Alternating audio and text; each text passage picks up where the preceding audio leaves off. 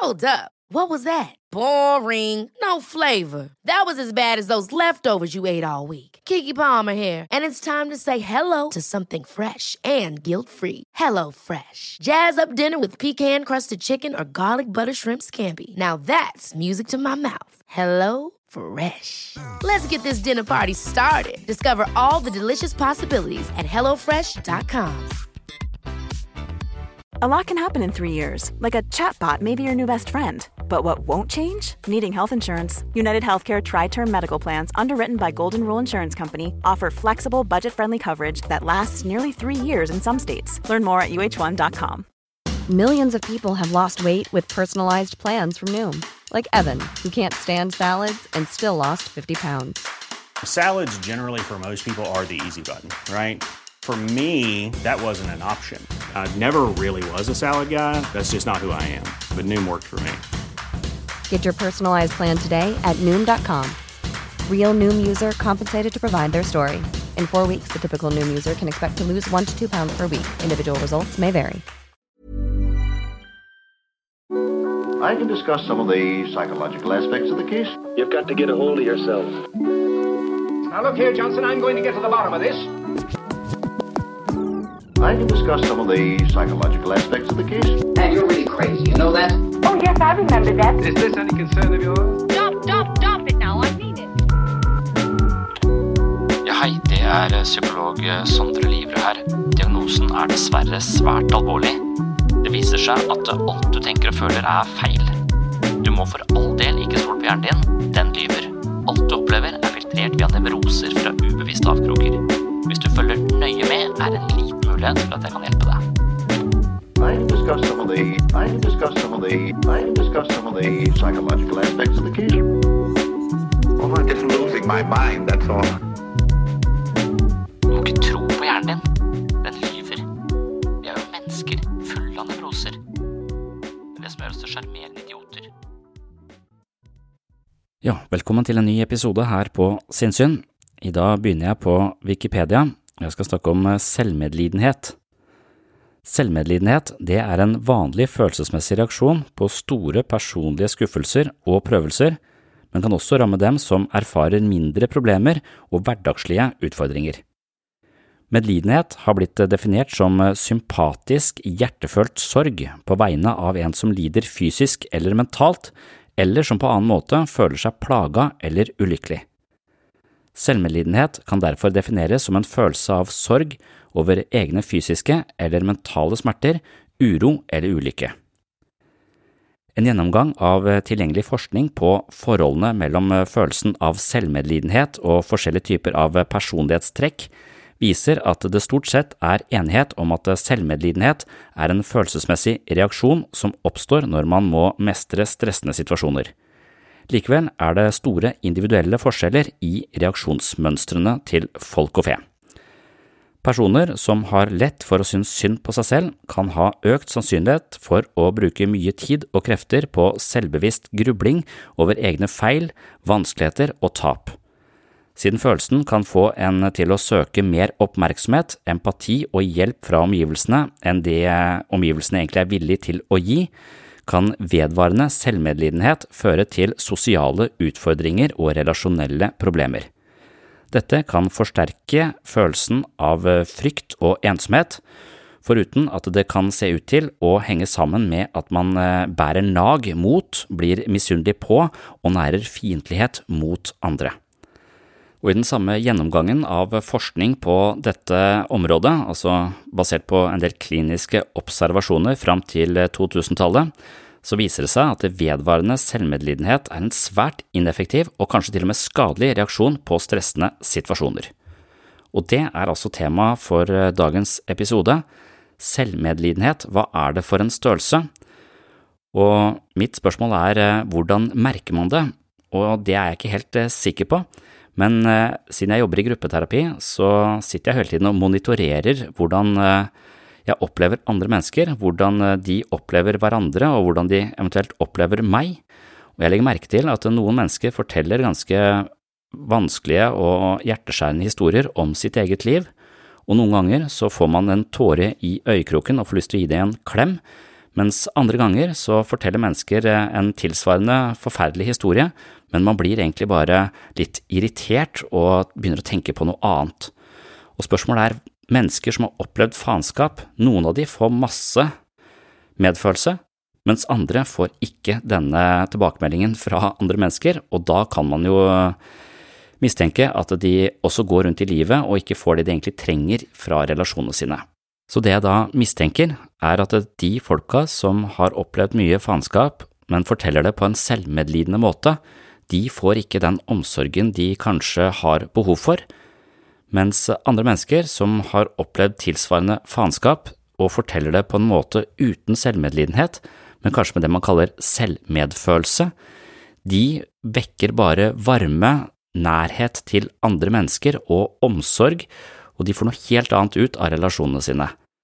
Og det fenomenet synes jeg er eh, interessant å dykke ned i. Hva er egentlig forholdet mellom eh, selvmedfølelse og selvmedlidenhet? Og jeg mistenker kanskje at det selvmedlidenhet, der er det noe skjult, det er en slags underliggende følelse av at det er mer synd på meg enn på andre, men jeg vil ikke si det direkte, men jeg bare gir et indirekte uttrykk for det, sånn at du skal synes synd på meg så jeg får den omsorgen jeg fortjener. Og her er det på sett og vis noe litt uærlig i måten det blir eh, gjort på, som om man eh, prøver å manipulere til seg en form for eh, sympati, så man spiller egentlig ikke med åpne kort, og jeg mistenker at vi kanskje mer eller mindre ubevisst sanksjonerer den eh, selvmedlidenheten, eller den eh, skjulte manipulasjonen om å få den omsorgen man mener seg berettiget, og når det skjer på en sånn eh, nettopp skjult og litt manipulerende måte, så tror jeg vi sanksjonerer dette ikke nødvendigvis bevisst, men rett og slett med å ikke ha medfølelse for disse menneskene, og på et eller annet tidspunkt så vil vi prøve å unngå de, og vi blir litt lei av de. Så her er det også mennesker som febrilsk trenger vår oppmerksomhet og omsorg, men de får det kanskje ikke fordi de har en slags eh, selvmedlidende undertone i måten de fremstiller seg selv på i møte med andre. Så det blir eh, tema i dagens episode av Sinnssyn, og velkommen skal du være. Men en sånn eh, type fortellerstemme da, i det, i det narrativet selve, som ligger på toppen her, det lurer jeg på om er forholdet mellom selvmedlidenhet og selvmedfølelse. For det, det, leste jeg også en artikkel om som jeg, jeg har ikke helt klart å identifisere hva selvmedlidenhet var for noe. Og kanskje ikke helt selvmedfølelse heller. Men jeg har bare alltid tenkt at det er merkelig at noen mennesker kan fortelle en historie. altså det, Jeg kan høre på det narrative selve til et annet menneske og bare føle irritasjon over en historie som egentlig er ganske tragisk. Mens et annet menneske kan fortelle om en tragisk historie, en tilsvarende tragisk historie, og så kom, blir jeg på gråten. Jeg føler sånn nærhet. Jeg føler sånn uh, delaktighet og, og, bare enorm empati. da. Så det ene gir meg enorm empati og varme, og det andre gir meg bare uh, og, og, irritasjon. Det er, um, det, det er jo sånn gruppeterapeutisk interessant, for da lurer vi på det mennesket som forteller den historien på en måte som ikke skaper den nærheten, det er ensomt. Hvis det er den måten du forteller ting på, så vil du ikke få gode relasjoner. Du vil ikke få det du trenger fra andre mennesker. For det er vanskelig å gi deg det. Det er det man ofte sier om en god terapeut, at den klarer å være empatisk med den uempatiske posisjonen, på en måte, eller at man klarer å opprettholde en form for empati og nysgjerrighet også på det som da virker litt sånn irriterende. Der føler jeg jeg har litt å gå på. Men, men, så jeg ja, ok, hvis du skal forstå det, så må du liksom bare forstå hva faen er det med den måten å fortelle det på den måten å fortelle det på, så er det sånn så vesensforskjellig. Og kanskje det handler om forhold mellom selvmedlidenhet og selvmedfølelse. For selvmedlidenhet, det er jo å marinere i sin egen ulykke.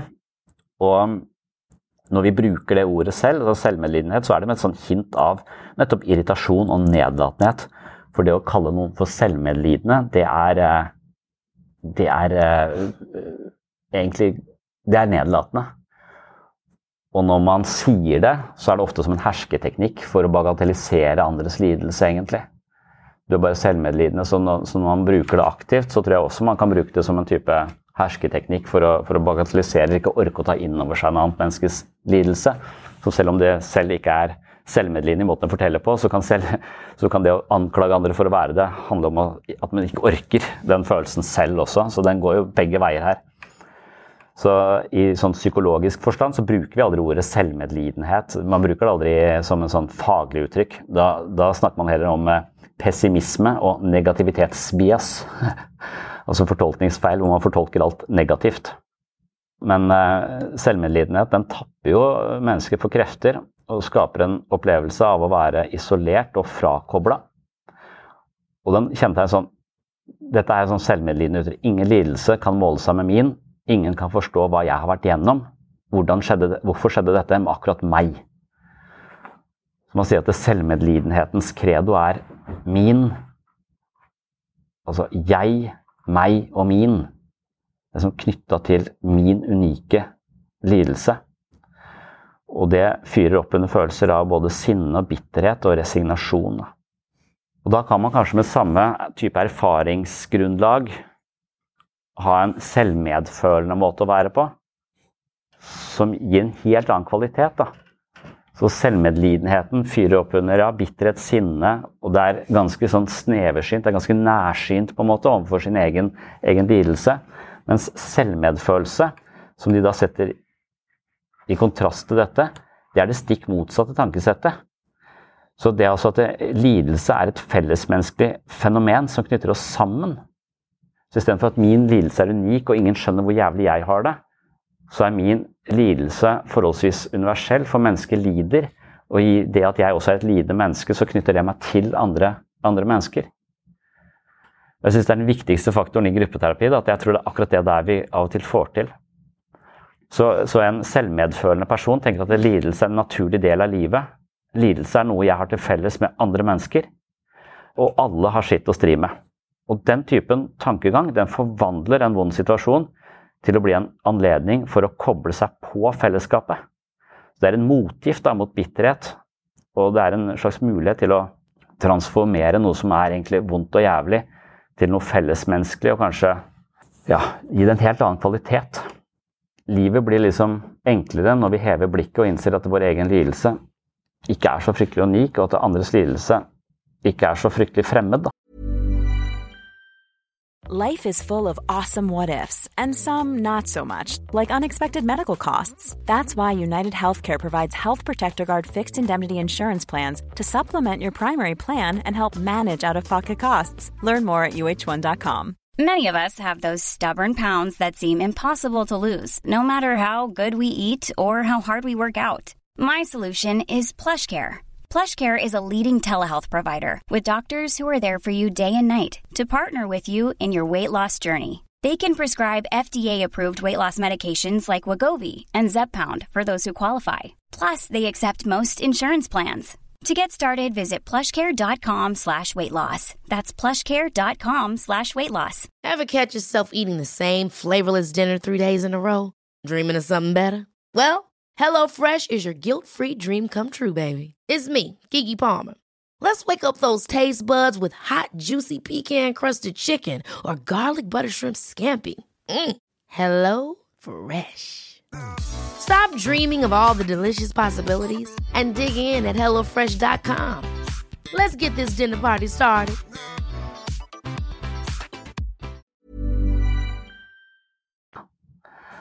Du er ikke blitt forkjøla, vel? Det vel ikke å sitte og bære deg sånn for det? Bære meg sånn tror jeg gjør det på gjødsel. Jeg er sjuk. Jeg går forferdelig sykt, men det gir vel du blaffen for. Ikke noe medfølelse der, da. Medfølelse? Hva for det er blitt forkjøla? Alle mennesker blir vel forkjøla, vel? Ja, men noen blir mer forkjøla enn andre. For noe tøys. Det er ikke tøys, for det er vitenskapelig bevist. Andre mennesker får én virus. Jeg får alle sammen på en gang. Det. Er helt sånn. Billiarder av de største og farligste får jeg. De kommer fra alle verdens kanter. Hongkong, fra Kina, Tibet, fra Svalbard kommer de inn mot kroppen min for å holde sånn verdenskonferanse for virus. Man satt navn på noe. Virus 81 heter den konferansen. De, de, de har valgt meg, for at jeg eier ikke motstandskraft.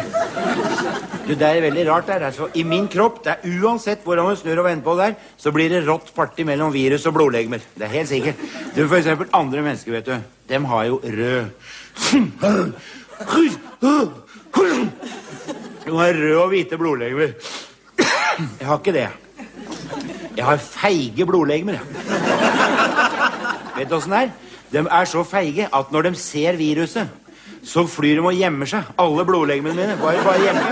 Jeg vet De har to hemmelige gjemmesteder. Ett av dem har jeg oppdaga. Det er under stortåneglen. Der ligger de og trykker. Å, jeg skjønner det meget godt. Jeg skjønner det meget godt. Fordi at uh, den virusen jeg har, det er ikke sånn vanlig virus. skjønner du. Unnskyld meg. Det er helt uvanlig virus. De er så svære. Jeg har sett bilder av dem i sånn legebok. De har hårete bein. Lange, hårete bein. Og så har hun grønne hoggtenner. Og gule øyne, og så bakoversveis.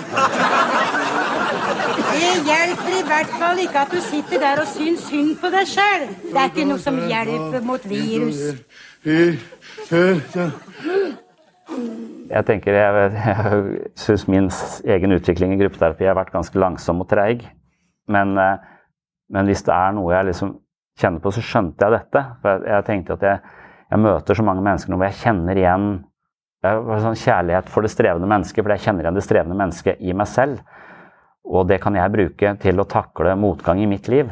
At det, det blir det, det, Ja, det er en motgift mot bitterheten. Og den der, faen, hvorfor skjedde dette? Det er typisk at det skjer med meg følelsen, så blir jeg liksom Det er lettere å snakke om det til andre på en sånn måte at de ikke bare sånn åh, nå klager han igjen, men på en måte hvor jeg får støtte. Og, og jeg kan dele det, og så får jeg høre at andre har det på samme måte. Og den erfaringen på at jeg ikke er aleine i livets uh, utfordringer, det gjør det jo mindre ensomt. Den erfaringen tror jeg ikke alle har, og det er en, kanskje noe jeg mener er en av de viktigste kurative kreftene i en gruppeterapi, som ikke nødvendigvis blir like tydelig i individualterapi. Bare du ser at andre mennesker tenker likt som meg, har det likt som meg, har erfart noe av det samme. At du skjønner at du kommer inn at din, din opplevelse var ikke helt unik. Den, kan ha vært jævlig og enestående, men du er ikke aleine i verden om å ha hatt det akkurat sånn. Og det tror jeg for mange er en sånn Oi, jeg trodde jeg var Noen tenker at jeg er helt dust, jeg tenker sånn og sånn, ingen er like dumme som meg. Og så tenker mange på samme måte. Så du skjønner at du er ikke den eneste som har denne negative selvforståelsen eller ideen om deg selv. Så, så blir, det litt, eh, blir litt delt, da. Og jeg tror det er lettere å marinere i sin egen ulykke sammen med et annet menneske individualterapeutisk. Fordi jeg tror at, at i en gruppe hvor du hører mange historier som ligner din egen, så, du, så får du det blikket opp. Men hvis du sitter individuelt og skal på en måte klare å hjelpe et annet menneske, så må du være så innmari Du må ha så mange hatter på deg samtidig, og du må veksle mellom det er så jævla bevisst i. Så i en gruppe, og noen oppfører seg veldig sånn selvmedlidende, så er det noen som sier ah, du sitter bare og sutrer. Og så er det noen som plutselig bare utagerer det. Og da føler jeg en viss grad av smerte for den personen som blir anklaget for det. Sånn at jeg klarer å etablere mer omsorg for den personen. Mens jeg også satt og tenkte at du bare sutrer. Men, men jeg eh, turte ikke å si det. Og så er det noen andre som sier det. Og når det, det da blir sagt, og jeg ser hvordan det faller ned, så får jeg en omsorg for den. Så da får man både den derre For på et eller annet tidspunkt så må jo det utfordres også at den måten du tenker på deg selv og din egen smerte på, den gjør deg isolert og ensom. Og, det er det den personen egentlig sier til deg når du sier du sitter bare og sutrer. Du øh, har en måte å håndtere din lidelse på som gjør at du ikke får noe som helst av hjelp fra andre mennesker, for det skaper bare avstand. Og når man ser det og forstår det, så går det an å ha en empati med det. Så, så som gruppa hele tiden kan være både den omsorgsfulle og den utfordrende hele tiden parallelt. Mens uh, i individualterapi så må man være det selv. Så må man mandag si at det, jeg syns du klager litt mye, og torsdag, når vi møtes igjen ja, Det er ikke sikkert man klarer å håndtere det som man kaller motoverføring. At man kan bli veldig sånn F.eks. noen mennesker snakker veldig sånn overfladisk om seg selv, eller de er ikke i kontakt med følelsene. Og da kan man liksom, når man sitter og hører på det, så kan man bli sånn trøtt, og man kan miste fokus. og, og, det, og så prøver man bare å ta seg sammen. og I en gruppe så kan det liksom bli noen kan poengtere det, og så kan man også da kanskje få en slags, et vendepunkt. da. Det blir en litt sånn dramatisk situasjon, men det går an plutselig å ha empati for den andre, så man kan spille flere, man kan ta den rollen som er tilgjengelig der inne. Det er ofte så mange roller tilgjengelig i en gruppe. Ofte så er det naturlig å ta den rollen som ikke er tatt òg. Nå er dere irriterte. La meg se om jeg kan være det motsatte. Bare sånn for sportens skyld syns jeg er interessant. og det kan jeg ofte da, hvis jeg føler at jeg får mye pepper for en måte å være på, så er det lett for meg å da tenke ja, faen, nå fikk du mye pes, åssen var det, liksom? Og hvis man da skjønner da at dette det, det, Man kaller det felles medmenneskelighet. At det er en holdning som, eh, som er med dette med selvmedfølelse. Det handler om felles medmenneskelighet. Og det er en kjernekomponent da, i denne selvmedfølelsen som også inneholder en slags godhet mot seg selv, men også en oppmerksom tilstedeværelse i det som foregår i oss selv. Men denne felles medmenneskeligheten den mener man fungerer da som et sett med briller som korrigerer selvmedlidenhetens nærsyn. Og det synes jeg var en fin setning. En felles medmenneskelighet kan fungere som et sett med briller som korrigerer selvmedlidenhetens nærsyn. Og Derfor er det et godt verktøy å ha med seg i den psykologiske verktøykassa. Og jeg tror det er nettopp den eh, nærsynet som utfordres i en, eh, en, gruppe. Og hvis man da klarer å koble seg på fellesskapet, så Det er også liksom sånn Jeg kan jo si man har eh, personligheten sin, og så har man motivasjonen sin, og så har man det narrative selve som forteller historien om meg. Men oppå der så har man også de kollektive fortellingene som forteller historien om det å være menneske. Og jeg mener at jeg også kan koble inn i det og gjøre min egen lidelse litt sånn transpersonlig, nærmest. At man kan se det i en større sammenheng, og at dette, det finnes eh, forløsende historier og vendepunkter i religion, i mytologi. Og, og der det, er det liksom Det er laget fortellinger allerede som, eh, som eh, løser og skaper vendepunkter. Så at jeg liksom kan komme litt ut av min egen navle ved å sette meg i kontakt med sånne Ja, dette er en typisk uh, historie om et uh, ego som blir utfordra, eller at man har vært for høy på seg selv, og så får man kritikk, og så faller man helt sammen. Altså Ego som faller sammen. at Det, det er ikke sikkert det er fortalt historie om akkurat det, men du finner en fortelling hvor det er tematikken. Hvordan man på en måte døde i sin egen narsissisme og oppsto som et litt mer ydmykt menneske, f.eks. Sånne type Det er liksom de fortellingene og da, hvis du opplever det, så er det jævlig smertefullt i seg selv. Men hvis det, hvis det er en del av det å være menneske, menneskeheten, så er det som om jeg ikke er så innmari ensom i å være så kjip og dust, på en måte. At dette er en utviklingslinje som jeg kan, som jeg kan som jeg, ja. Så at mytologien og fortellingene, musikken, det kan også koble meg til, også koble meg til fellesskapet. Mens i gruppe så gjør vi det liksom personlig. Mens i, i, som delaktighet i en kultur, så har vi også det tilgjengelig som sånn kollektivt selv. Da. Så det også spiller inn på det å være, være et menneske. Og da vil ulike mennesker fra ulike kulturer ha ulike mytologier. Og Derfor så vil vi også være ganske forskjellige på, på det nivået av uh, identiteten vår. Da. Og grupper lager jo fortellinger. Altså alle kollektiver har jo sine fortellinger også. I hvert fall mennesker som står hverandre nær, lager jo fortellinger om sitt liv også. Så de spinner jo sin egen, sin eget narrativ selv sammen med andre sitt. Og I grupper så lager vi jo fortellinger som vi da relaterer til. Og når det kommer noen nye inn i gruppa, så må det liksom kultiveres inn i de fortellingene. Så den gruppa vi har vært akkurat nå, den snakker om å være i garasjen ofte. Å være i garasjen er egentlig et fokus på de litt mer sånn mekaniske sidene ved det å være menneske som kan handle om kosthold, det kan handle om eh, struktur på døgnet, det kan handle om trening. Og så føler jeg at vi har fått den ideen om at det, å være i garasjen, det handler om å snakke om sånne litt konkrete ting, som at vi har en kropp også, som har en nevrokjemi. Og at det er litt sånn negativt, har vi tenkt i gruppeterapi. Men jeg tenker at det er jævlig viktig å ha en garasje.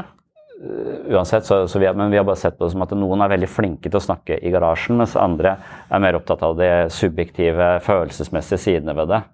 Mens i garasjen så er følelsene bare følelser som skyter feil. er rusk i forgasseren. Gir for mye bensin inn i akkurat den typen følelser. så at man, man justerer det litt sånn mekanisk. Men det hører jo til, det også. Så hver gruppe lager sånne sine fortellinger på, på måter å være på, eller metaforer, som gjør det litt mer universelt som gjør at andre kan koble seg på det. Kan identiteten slå veldig sprekker innimellom. Altså, jeg er sikker på at jeg kommer til å få kreft en for det gjør jo alle. Jeg bare håper at det er lenge til. Det kan jo skje. Det kan jeg ha det nå, liksom. Vet, man vet jo ikke. Men, men det er sånne, sånne alvorlig sykdom og sånne ting. Det tror jeg slår veldig sånn sprekker i, i Spesielt det narrativet selve. da, sånn, tanken om at eh, man eventuelt har en fortid og mestrer det, og det er nåtid, og man kan, så plutselig så, så er fremtiden usikker. da. Så er det mange som snakker om en kreftidentitet. liksom Jeg har kjent mange som har, har det at det, det gjør noe med identiteten. Man blir liksom Det kanskje føler at man tilhører en en gruppe det er litt synd på, eller jeg vet ikke hva det er. Jeg, jeg, jeg lurer på hvordan jeg jeg tenker mye på hvordan jeg skal bære den situasjonen. Jeg regner med å få det på et eller annet tidspunkt. For alle, alle får det jo for, før eller siden, så hvordan skal man liksom bære den, eh, den alvorlige sykdommen? Jeg syns ser ut som mange bærer den veldig tappert. da, og syns det er ganske sånn, imponerende. Jeg er jævlig usikker om man liksom, om jeg da hadde følt noe fellesskap i dette, eller om jeg mistenker at hvis jeg hadde blitt alvorlig syk, hadde jeg følt meg jævlig ensom. At jeg, at jeg, hadde hatt problem, at jeg hadde jeg hadde forsvunnet inn i selvmedlidenheten, kanskje, og ikke klart å koble meg på. Og, eller følt noe sånn Jeg husker ikke om jeg hadde klart å beholde Brukt den påkoblinga som selvmedfølelse eventuelt vil eh, kunne bidra med. Vanskelig å integrere den typen opplevelser, men det er vel liksom det som gjør at de vokser også. Så det er vel litt det som er utfordringen vår, at vi får noen sånne type opplevelser. Det å være pårørende kanskje vel så vanskelig, for da er du liksom av maktesløshet der òg. Eller at det, liksom, verdensbildet krakelerer litt når det er mulig å dø. Det er derfor buddhistene sier vi skal tenke på at du kan dø hver jævla dag. Bare for å, for å, kunne bære Hvis du, hvis du er, slår deg til ro med din dødelighet, så lever du på en bedre måte da. Så vil du kanskje kunne Jeg vet ikke, er det ikke bedre å bare håpe på at det skjer fort og gærent, eller at du ikke rekker å tenke Istedenfor å gå og tenke på det hele tiden. Jeg er litt usikker på hvordan det ville farget livet mitt. Jeg vet at det er en sånn god idé med mento mori. Men det, jeg husker kanskje at det skal skape en slags sånn ydmykhet. At det er noe positivt med et litt sånn selvgodt bilde. At det, verden går på skinner, jeg klarer meg. altså At du, du lever litt på en sånn uh, på en sånn sky, og det kan kanskje gi deg litt skylapper og litt lite sensitiv for andre menneskers lidelse igjen. At det, det er kanskje i den, din egen smell du også enten kan forsvinne inn i din egen navle, eller også uh, bli, mer, uh, bli, en litt bedre person hvis du eventuelt klarer å bli frisk igjen. Da, for, for, de som måtte, måtte, lide. At du er tilgjengelig som den, uh, det fellesskapet man, man, potensielt sett kan koble seg på. Jeg syns det er litt vanskelig å koble meg på folk som er veldig syke. og Nå har jeg ikke noe sånn veldig tett på. Men sånn, jeg vet ikke helt hva jeg skal gjøre for det. Og ofte så virker det unaturlig hvis jeg ikke har noen sånn jevnlig kontakt. Eh, eller sånn da. Ja, jeg kjenner noen som har kreft nå, som jeg egentlig jeg kjenner hver gang jeg tenker på det, tenker på ensomhet. Ensomhet, ensomhet, ensomhet, tenker jeg. For at jeg mener at vedkommende kanskje også er veldig redd. Og at det, egentlig ikke har noe sted å kanalisere den frykten, eller at de bare bærer den. Jeg bare ser at den personen bærer alt sammen. Og, og ja. Føles veldig ensomt. Det ser veldig ensomt ut. Jeg vet ikke hvilket selv det går på. Det vil jo innvirke på alle disse ulike nivåene av selve, men også det narrative selve. For plutselig så er det et menneske som forteller en historie om at livet er skjørt. Og så, nei, passer ikke inn i min historie. Det, altså, jeg orker ikke å forholde meg til, jeg orker ikke å skrive om min historie nå om at alt er at det, det går så greit når, når, livet er skjørt. Så den er en bærer av en fortelling som er mer sannferdig enn vår egen eh, fortelling eventuelt, som kanskje fornekter døden eller bare unngår, unngår alt. Så det er en, det er en realisme i den, eh, i den, andres fortelling som kanskje vil eh, kollidere med min egen fortelling om hvordan, livet, om hvordan jeg er udødelig. Som, eh, for det er jeg jo, tenker jeg. Også, og da, da skrive om det, det er kjempe, kjempekrevende. Eller så kan jeg prøve å skrive om historien til den andre. Da. Nei, nei, nei, det kommer til å gå bra. Du kommer til å bare febrilsk bare lage en fortelling som den personen kan Selv om det åpenbart kanskje ikke er sånn. Så bare prøv å skrive om den historien, sånn at den passer overens, så vi kan ha det puste rolig her og nå. Det du hørte på slutten her, det var kun et eh, lite utdrag fra en lengre episode som heter Myten om meg. Og hvis du vil høre hele episoden, så kan du som vanlig da gå inn på patron.com for segs sinnssyn og skaffe deg et abonnement på mitt mentale treningsstudio. Der inne så finner du episode 81 som heter Myten om meg, og der snakker jeg mer om hvem er jeg, hvordan passer jeg inn i verden rundt meg, hva er min identitet, hva er min retning, hva motiverer mine livsprosjekter, hva gjør meg til et menneske på lik linje og til forskjell fra andre mennesker, og jeg snakker ganske mye om eh, en personlighetspsykolog som heter Dan P. McAdams, og han mener at eh, personligheten vår har eh, minst tre lag, og at disse lagene interagerer med hverandre. Da kommer jeg også inn på denne Big Five-modellen, denne femfaktormodellen over menneskelig personlighet, men jeg snakker også ganske mye om dette med det narrative selve, som ligger på toppen av disse lagene i personligheten vår og syr sammen en helhetlig fortelling om oss selv. Og mistanken min er at hvis vi forteller historien om hvem vi er, til oss selv og andre, med en grad av selvmedlidenhet, så tror jeg vi ikke skaper særlig gode relasjoner, og at det er en type historiefortellende selv som ofte har eh, store eh, relasjonelle problemer, og hvor man eh, stadig egentlig er på utkikk etter en omsorg man aldri fikk, men egentlig aldri får, fordi man nettopp har denne selvmedlidenheten i bunn av måten man fremstiller seg på. Så det er altså en hel episode om personlighet og forholdet mellom selvmedlidenhet og selvmedfølelse inne på patron.com for segs sinnssyn, og som abonnent av Sinnsyn så får du også masse ekstramateriale. Du får alle de episodene som da ligger før denne episoden, altså denne episoden heter 81, Myten om meg, og før det så ligger det da 80 andre episoder som du også kan få med deg eksklusivt inne på Patron. I tillegg så er det masse annet ekstramateriale der. Det er eh, videoforedrag, det er meditasjonsveiledning, det er bøkene mine som lydbøker og mye mer. Så hvis du er litt over middels interessert i psykologi og selvutvikling, og finner verdi her på podkasten og har lyst til å støtte dette prosjektet, så er det altså mulig på patron.com for segs sinnssyn. Og hvis du skulle jobbe i en bedrift som kunne tenke seg et medlemskap for de ansatte på et mentalt helsestudio, så er det også mulig ved å henvende seg til meg via webpsykologen.no. Da kan eh, din bedrift få et eh, medlemskap, et bedriftsmedlemskap på Sinnsyns mentale treningsstudio, og så kan man gjøre treningsøktene der inne og eventuelt snakke om de i lunsjen, og da er det jo ofte lettere å jobbe med seg selv hvis man gjør det i flokk. Så hvis du er ansatt et sted eller er bedriftsleder et sted, så går det an å henvende seg og få tilbud på et bedriftsabonnement. Det var det jeg hadde for denne gang. Velkommen tilbake i neste episode. Oh, I'm just losing my mind, that's all.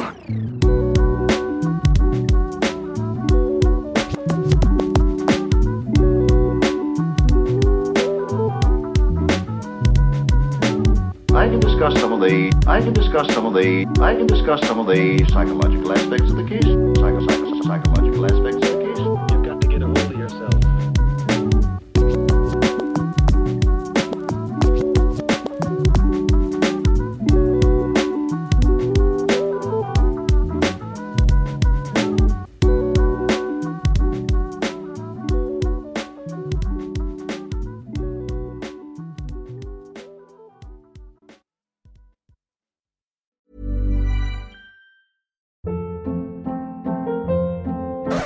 Hold up. What was that? Boring. No flavor. That was as bad as those leftovers you ate all week. Kiki Palmer here, and it's time to say hello to something fresh and guilt-free. Hello Fresh. Jazz up dinner with pecan-crusted chicken or garlic butter shrimp scampi. Now that's music to my mouth. Hello Fresh. Let's get this dinner party started. Discover all the delicious possibilities at hellofresh.com. Mom deserves the best, and there's no better place to shop for Mother's Day than Whole Foods Market. They're your destination for unbeatable savings, from premium gifts to show-stopping flowers and irresistible desserts. Start by saving 33% with Prime on all body care and candles. Then get a 15-stem bunch of tulips for just $9.99 each with Prime. Round out Mom's menu with festive rosé, irresistible berry chantilly cake, and more special treats. Come celebrate Mother's Day at Whole Foods Market. Hey, it's Paige DeSorbo from Giggly Squad. High quality fashion without the price tag. Say hello to Quince. I'm snagging high-end essentials like cozy cashmere sweaters, sleek leather jackets, fine jewelry, and so much more. With Quince being 50 to 80% less than similar brands.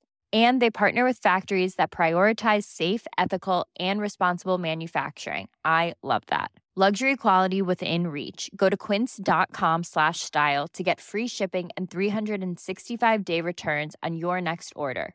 Quince.com slash style.